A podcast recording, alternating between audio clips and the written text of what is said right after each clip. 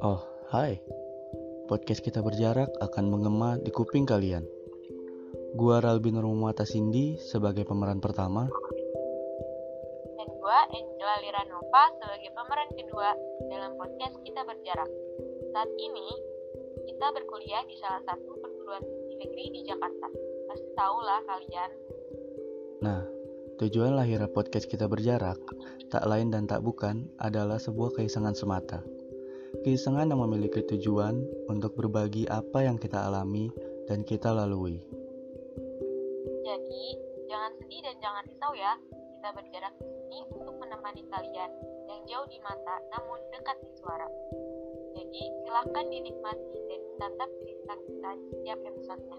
Jangan lupa untuk sharing juga ya. Terima kasih. And come closer.